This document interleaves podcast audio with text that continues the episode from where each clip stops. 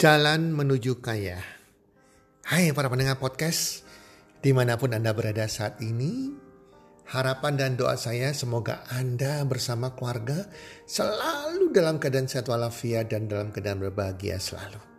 Dan pasti-pastinya teman-teman para pendengar podcast selalu bertambah rezekinya dari hari ke hari, bertambah keberuntungannya dan pastinya keberhasilan selalu menyertai Anda dengan apa pun yang Anda kerjakan.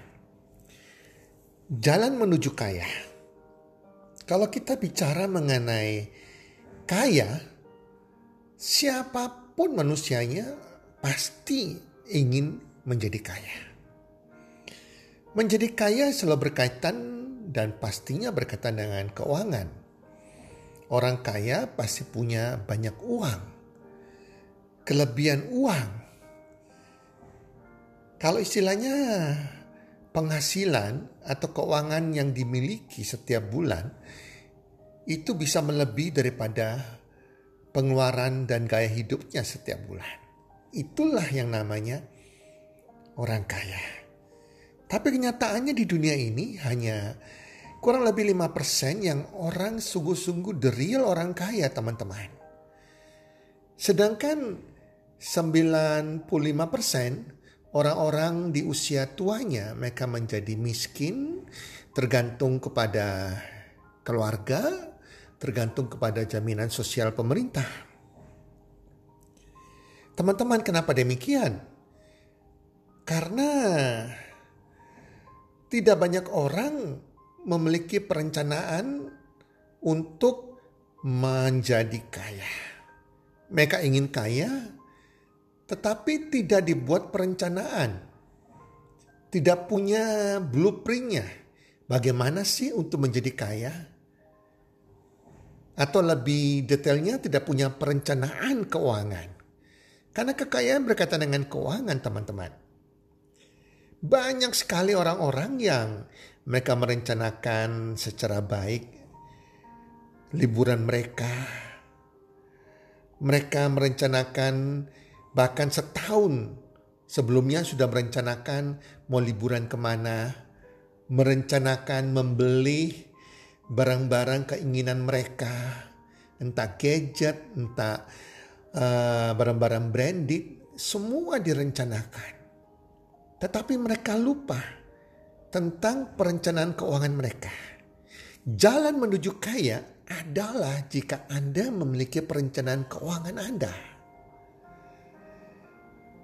Nah, jadi inilah anehnya. Banyak manusia ya, banyak yang aneh gitu teman-temannya. Yang kata Jaya Suprana ya kelirumologi. Ingin kaya tapi tidak membuat perencanaan keuangan. Tetapi antusias kalau disuruh membuat perencanaan liburan. Ya, antusias kalau merencanakan membeli mobil baru, gadget baru, barang-barang branded baru, dan lain-lain. Para pendengar podcast, saya pernah membawakan beberapa kali seminar keuangan. Saya bertanya kepada peserta seminar, siapa yang tahu dengan pasti jumlah pengeluaran dalam sebulan? Dan wow, sebagian besar hampir seluruh peserta tidak mengetahui secara pasti berapa besar pengeluaran mereka dalam sebulan. Ketika saya bertanya lagi, berapa orang yang tahu secara detail pengeluarannya setiap bulan? Hanya sedikit saja yang mengetahui secara detail pengeluaran mereka. Seharusnya setiap orang tahu pengeluarannya setiap bulan. Padahal sebelumnya saya bertanya siapa yang kepingin jadi orang kaya? Semua angkat tangan. Begitu ditanya, siapa yang tahu pengeluarannya detailnya setiap bulan? Tidak ada yang angkat tangan. Itu artinya mereka tidak memiliki perencanaan keuangan. Kalau tidak memiliki perencanaan keuangan artinya mereka tidak punya rencana, tidak punya blueprint menuju kekayaan, menjadi orang kaya. Hal tersebut di atas yang saya ceritakan tadi adalah penting dalam proses mengatur keuangan. Jadi para pendengar podcast bukanlah seberapa besar penghasilan seseorang yang menentukan kapasitas keuangannya, tetapi seberapa bijak ia mengatur atau mengolah keuangannya. Seberapa besar penghasilan Anda terima setiap bulan, tapi Anda tidak bisa kelola keuangan, tidak bisa merencanakan keuangan, mengatur keuangan dengan baik, maka penghasilan Anda pun itu akan habis teman-teman. Begitu penghasilan Anda bertambah, gaji bertambah, juga tetap habis karena Anda tidak punya perencanaan keuangan. Apakah Anda masih dapat memberi dan memberkati orang lain? Ini pertanyaan saya berikutnya. Karena kunci sebuah berkat, karena kita percaya berkat semua itu dari yang Tuhan Yang Maha Esa, maka kita juga harus memberi memberkati orang lain yang kurang beruntung. Tidak sedikit orang kaya yang tidak dapat memberi karena mereka takut miskin. Meskipun seseorang yang memiliki banyak uang, tetapi apabila ia tidak bisa memberi dan tidak bisa menikmati hidupnya, maka dapat dikatakan ia bukan orang kaya. Tetapi banyak orang kaya yang saya kenal, bahkan orang sudah sejahtera atau wealth, mereka sedari penghasilan mereka masih pas-pasan, mereka sudah bersedekah. Sehingga mereka menjadi orang kaya dan mereka menikmati benar kekayaannya. Tetapi orang kaya yang tidak berani memberi, ini adalah orang kaya yang tidak punya karakter yang baik di mata Tuhan. Mereka adalah orang-orang kaya yang takut miskin. Mereka orang kaya yang tidak punya kepedulian. Saya teringat sekali ada kalimat bijak dari Salomo yang mengatakan demikian, orang baik meninggalkan warisan bagi anak cucunya. Orang baik meninggalkan warisan bagi anak cucunya. Sehingga dikatakan seseorang itu baik bagi keluarganya. Jika ia meninggal, ada warisan yang ditinggalkan untuk anak maupun cucunya. Sehingga anak cucunya tidak kelaparan. Jadi bukan meninggalkan warisan hutang atau kemiskinan. Jadi sebagai orang yang benar, orang yang baik, orang bijaksana, kita perlu menyiapkan warisan untuk anak-anak dan cucu-cucu kita. Dan juga untuk hari tua mereka untuk itulah perlunya perencanaan keuangan sejak dini, sejak Anda usia muda. Bahkan sebelum Anda menikah. Dengan membuat anggaran pemasukan dan anggaran pengeluaran uang. Anda harus tahu pemasukan uang Anda dan pengeluaran uang Anda. Dan perbanyak ya sumber-sumber pemasukan Anda. Pengeluaran Anda jangan diperbanyak.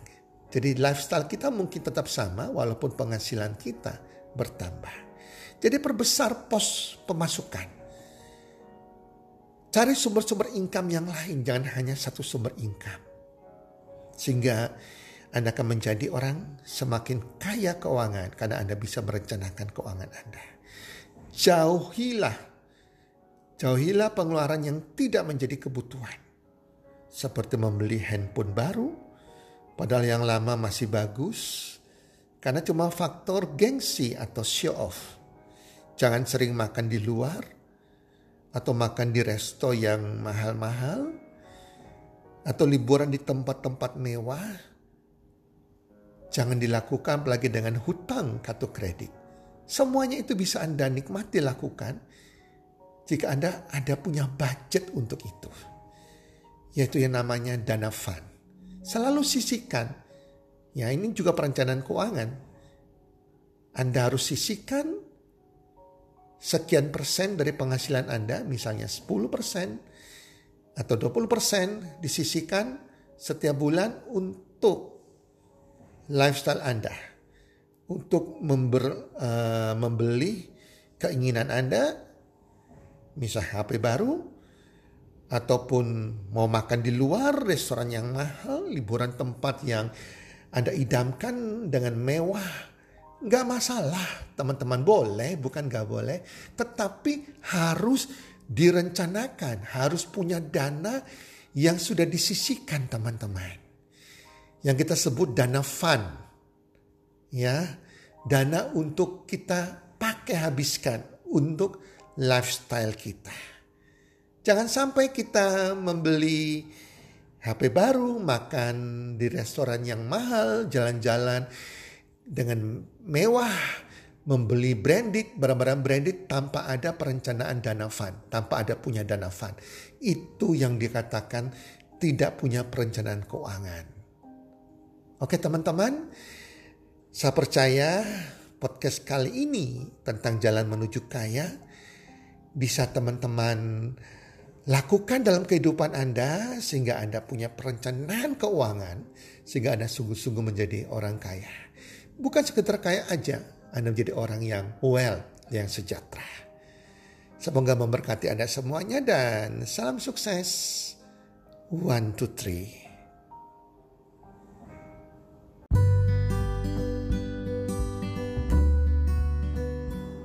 Terima kasih sudah mendengarkan podcast kami.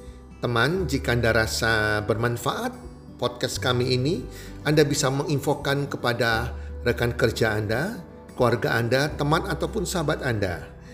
Dan jika ada hal-hal yang Anda ingin tanyakan kepada kami ataupun topik-topik apa yang Anda ingin kami bawakan, kami sampaikan, Anda bisa DM kami di Instagram kami healthcommunity.id. Salam 123 Salam sehat, sejahtera, dan bahagia.